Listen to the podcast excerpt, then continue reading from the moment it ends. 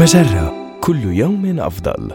من هارفارد بزنس ريفيو أحد مواقع مجرة إليكم النصيحة الإدارية اليوم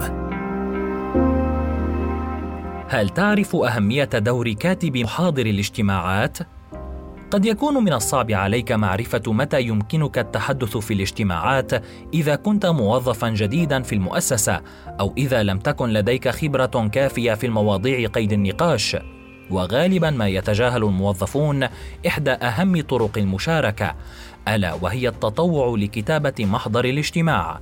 فعلى الرغم من أن هذا الدور قد يبدو بسيطا أو غير مهم للوهلة الأولى فإنه لا يقتصر على مجرد تدوين الملاحظات وتوزيعها بل هو دور يظهر أنك مستمع كفؤ وواع ويعرف كيفية ربط النقاط بين الأفكار التي يناقشها الفريق.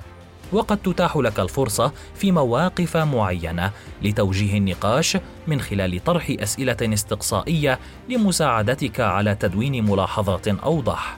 ويمكنك عند اختتام الاجتماع إرسال ملخص موجز أو النقاط الرئيسية من الاجتماع بطريقة منظمة تتيح للآخرين إعادة توجيه رسالتك إلى أي شخص فاته الاجتماع أو يرغب في مراجعة النقاط الرئيسية فقط.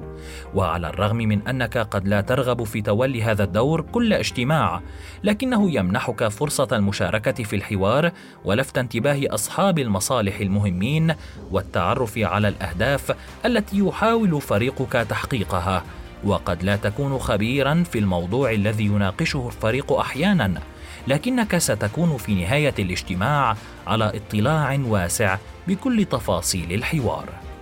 هذه النصيحة من مقال ليس عليك التحدث في الاجتماعات كي تثبت كفاءتك. النصيحة الإدارية تأتيكم من هارفارد بزنس ريفيو أحد مواقع مجرة مصدرك الأول لأفضل محتوى عربي على الإنترنت. مجرة كل يوم أفضل.